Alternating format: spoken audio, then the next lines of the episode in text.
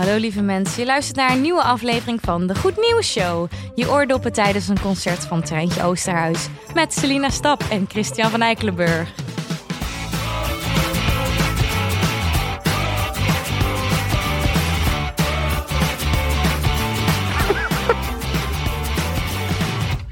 Thanks. Je wist dat hij zou komen. Ja, maar ik vond hem gewoon heel grappig. Maar Chris, nu ik jou heb overvallen met uh, Treintje Oosterhuis, Ja. kan jij mij overvallen met goed nieuws? Ja, nou, ik heb dus een beetje, ook een beetje gek nieuws, maar ik vond het wel heel interessant. Dus ik dacht, ik wil het toch even delen. Hm? Want namelijk vorige week ehm, is er dus een groep van 15 Franse vrijwilligers tussen de 27 en 50 jaar. Die is dus eh, weer terug in de buitenlucht gekomen na 40 dagen zelfisolatie in een grot in de Pyreneeën. Oh, Ja, dus, eh, en, en wat dus de bedoeling was, is ehm, dat zij eh, daar in die grot hebben ze, hebben ze onderzoek gedaan om te kijken eh, of eh, mensen ehm, goed met ongewone situaties kunnen omgaan en hoe ze zich daaraan aanpassen. Zo was bijvoorbeeld het daar slechts 10 graden en was de luchtvochtigheid 100%. En ze moesten daar doen zonder telefoon, zonder communicatiemiddelen, zonder horloge en zonder daglicht. Oh mijn god, wat Ja. een hel. Ja, en ze hadden niet de beschikking over, over comfort, maar ze konden wel elektriciteit opwekken met een fiets. Dus ze moesten fietsen en dan kregen ze elektriciteit om bijvoorbeeld wel eh, licht te hebben.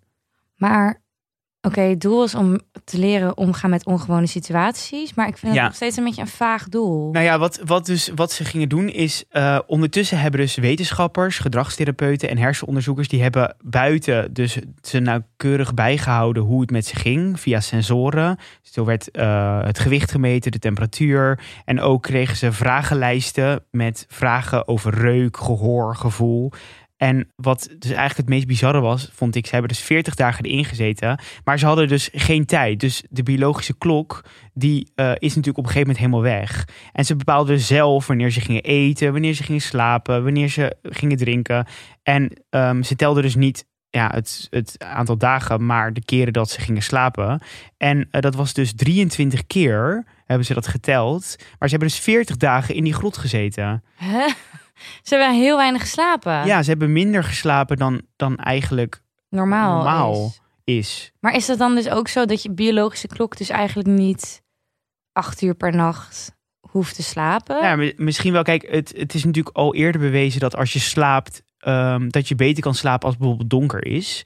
Ehm, dus ik denk dat dat wel enigszins eh, met elkaar te maken heeft. En als het licht wordt, dan word je wakker. Dat is gewoon een soort van bepaald. Hmm. Ehm, Dus als het alleen maar donker is, dan ja, word je niet wakker van licht. ja. En, en eigenlijk, eh, ja, En je. sliepen ze dan ook langer dan acht uur? Ja, dat, weet, dat weten ze. de- Tenminste, dat, dat, dat kon ik er niet uitfilteren. Of, maar ik, ik denk het wel. Mhm. Ja, want je wordt natuurlijk ook niet gewekt door iets. Ja.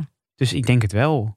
Ja, je, het is gewoon bizar dat als je als mens dus eh, blijkbaar in een soort van ongewone situatie zit, je daar dus aan kan aanpassen.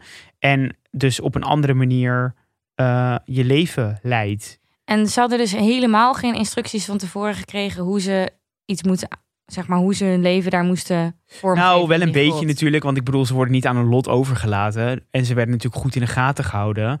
Eh, maar ja, er waren bijvoorbeeld ook wat experimenten die ze moesten doen. Maar zij deden die experimenten. Eh, zij dachten, we hebben 40 dagen om die experimenten te doen. Dus er hoefde eigenlijk niks. En ze vonden dat eigenlijk heel fijn. Het gaf ook een soort van bevrijding voor sommige mensen. Omdat er natuurlijk niet echt tijd aangebonden was.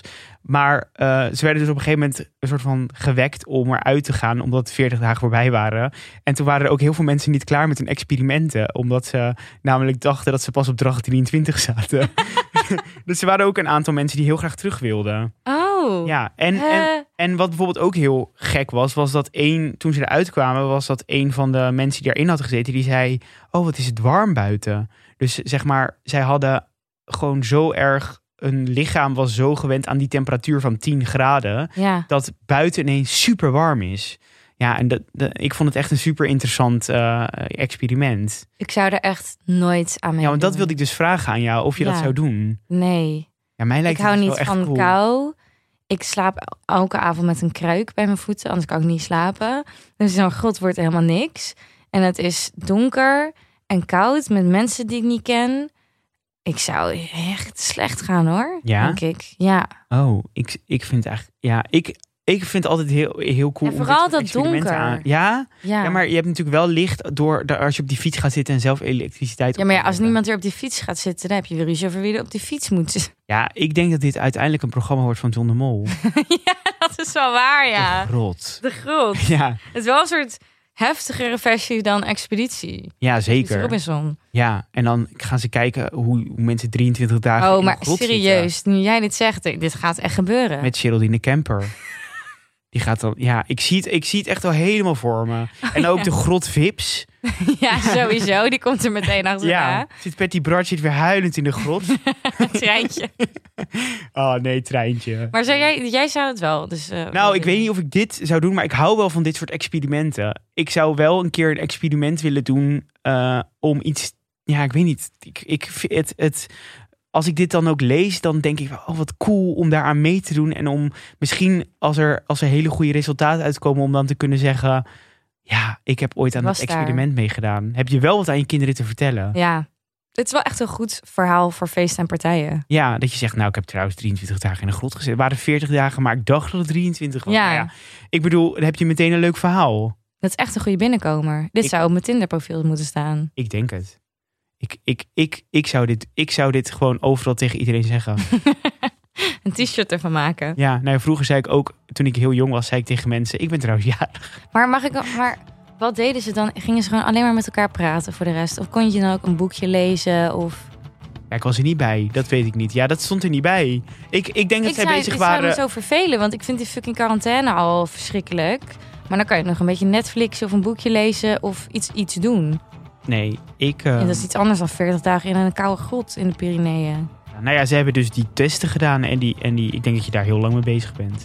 Zit er nog iemand in die grot of is iedereen er nu toch uit? Ja, iedereen is eruit. Maar misschien gaan ze ooit nog terug om er nog een keer iets anders te doen. Ik weet het niet. Ja, dan kan je je alvast aanmelden. Ja, www.franspyreneeën.zwart.nl Vond je dit nou een hele leuke podcast? Volg ons dan op de Goed Nieuws Show Instagram. Je kan ons een mail sturen naar degoednieuwsshow.gmail.com en je kan op ons abonneren of ons volgen op Spotify. Het kan allebei.